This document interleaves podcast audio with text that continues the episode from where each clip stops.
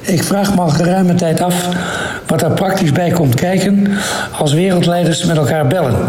Met andere woorden, hoe tolkt een tolk tussen wereldleiders? Alledaagse vragen. NPO Radio 1. BNN Vara podcast. Met Merel Wielaert en Aaron de Jong. Hans uit Utrecht, dankjewel voor je vraag. Merel, spreek jij je buitenlandse talen een beetje? Uh, Engels durf ik van te zeggen, ik geef mezelf een 8. Frans, Duits een 4. Maar ik kan het wel goed verstaan. Ik kan alleen dus niet terugpraten. Je zou een hele slechte tolk zijn. Extreem slechte tolk. Nou, dan is het toch maar goed dat er mensen zijn die het wel kunnen. Want het hebben van tolken is van groot belang. Kijk ook nu naar de situatie tussen China, Taiwan en Amerika. Een best wel spannende situatie. En iemand die daar juist kan vertalen en wat nuance aanbrengt, is toch wel belangrijk. En om een antwoord te geven op de vraag van Hans spraken we ook met zo'n iemand, namelijk met tolk Sibel van Hal. En zij doet het al best wel lang. Zij is namelijk al sinds 1986 werkzaam als Spaans-Nederlandse tolk. En ze vertaalt onder andere bezoeken van de Spaanse premier aan onze premier Mark Rutte. Uh, daarvoor deed ze het ook al, onder andere bij Balkenende en andere ministers. Dus Sibel, hoe ga je als tolk te werk in een één op één gesprek tussen twee regeringsleiders? In zo'n setting ben je super geconcentreerd. Je weet dat iedere hapering of iedere nuanceverschil die jij aanbrengt grote consequenties kan hebben. Dus je bent super geconcentreerd. Je gaat helemaal mee, ook in, het, in, in de manier waarop hoe de spreker zijn, zijn stem gebruikt, daar ga je in mee.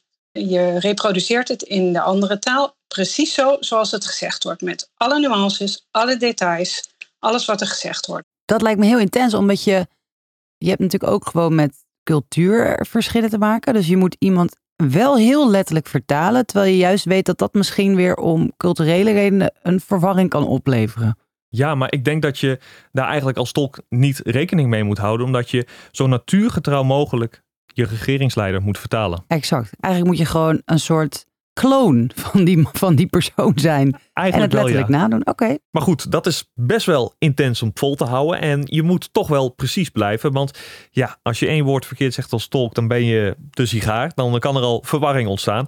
En ja, waar ik aan moest denken, in de Nederlandse taal zijn we gek op spreekwoorden. En ik kan me heel goed voorstellen dat er verwarring ontstaat wanneer dat niet goed vertaalt. Dat is toch wel een uitdaging voor een tolk. Dus ik vroeg je wel, hoe ga je daarmee om?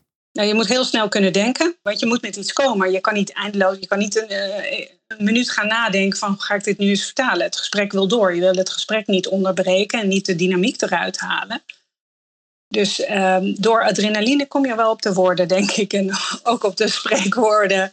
En als je het echt niet weet of niet hebt verstaan, ja, dan uh, persoonlijk zeg ik het dan gewoon. En na spreekwoorden heb je als tolk met nog iets te maken wat ontzettend belangrijk is in het voeren van een gesprek. Namelijk hoe je iets zegt, emotie, emotion. en Sibel had daar een ontzettend leuke anekdote over die ik toch even wilde delen. Ik heb wel eens om een voorbeeld gegeven voor een minder goed bekendstaande staat, laat ik het zo zeggen. Een, een speech getolkt van het Spaans naar het Engels. En er werden echt best wel hele heftige dingen gezegd in die speech over mensenrechten die, niet, uh, die zeker niet met voeten werden getreden in dat land. Nee hoor, het was allemaal helemaal fantastisch. En die speech die duurde zeker wel twintig minuten. Ik heb daar dat alles zitten verkondigen, alles zitten tolken. En ik zat in de tram naar huis en toen dacht ik, wat heb ik allemaal niet gezegd?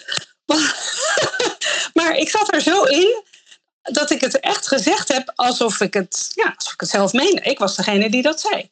Ja je, moet, ja, je wordt bijna een beetje een soort method actor, denk ik. Daar moest ik ook aan denken tijdens het gesprek. Ja, ja, je bent gewoon zo in die rol van die regeringsleider dat je het. Je neemt die hele persoonlijkheid bijna over. Nou, nou oké, oké, wacht. Na de tram is dat wel weer over hoor. Alledaagse vragen.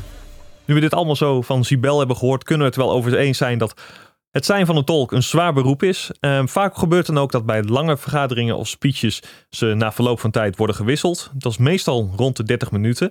En dat is ook nodig, want ja, dat simultaan vertalen kost ontzettend veel energie. Je moet de hele tijd gefocust blijven. Maar soms gaat het ook wel eens fout. Want zo had je in 2009 Gaddafi, die bij de Verenigde Naties een speech hield. Nou, dat was niet zomaar een speech. Hij hield een tirade van meer dan anderhalf uur. Waar geen rekening werd gehouden dat nou ja, die vertaler misschien eventjes gewisseld moest worden. En die man was zo kapot. Hij was zo moe, Merel. Dat hij na 75 minuten van zijn stokje is gegaan. En ja, er is een fragment van hoe hij toen klonk op dat moment. En dat wil ik je toch even laten horen. Treated and uh, dogs were using them and uh, and uh, and and uh, and uh, men were made love were made love to and no one has done this before in the previous wars. The, this sodomy sodomy and this is unprecedented sin. Wow, ik ben kapot. Sowieso de inhoud, hele heftige materie. Zeker. En ik maak me zorgen hoor, om deze man, hoe die klinkt. Het is gewoon alsof deze man zijn brein is overloaded. Ja, explosie. Precies. Nou ja, Mhm. maar ja, anderhalf uur dit moeten vertalen. Ja, nou ja, wel een goed voorbeeld denk ik van hoe belangrijk dat goede tolken dus is. Want dit is wel ook de materie die je moet behandelen. Dus Hans, om antwoord te geven op je vraag, hoe tolkt een tolk tussen wereldleiders? Nou, ze zorgen ervoor dat de vertaling precies hetzelfde is als wat de regeringsleider heeft gezegd. En heel belangrijk, er wordt niet alleen gekeken naar de woorden zelf, maar ook de manier waarop iets gezegd is. En heb jij nu ook nog een alledaagse vraag? Stuur ons dan een berichtje op Instagram. Dat is Alledaagse Vragen. Of stuur een mailtje naar alledaagsevragen.radio1.nl. Oh, en nu je toch luistert, vergeet dan niet te abonneren voor elke dag zo'n leuke alledaagse vraag. En vergeet die 5 sterren niet. Alledaagse vragen. NPO Radio 1. BNN Vara podcast.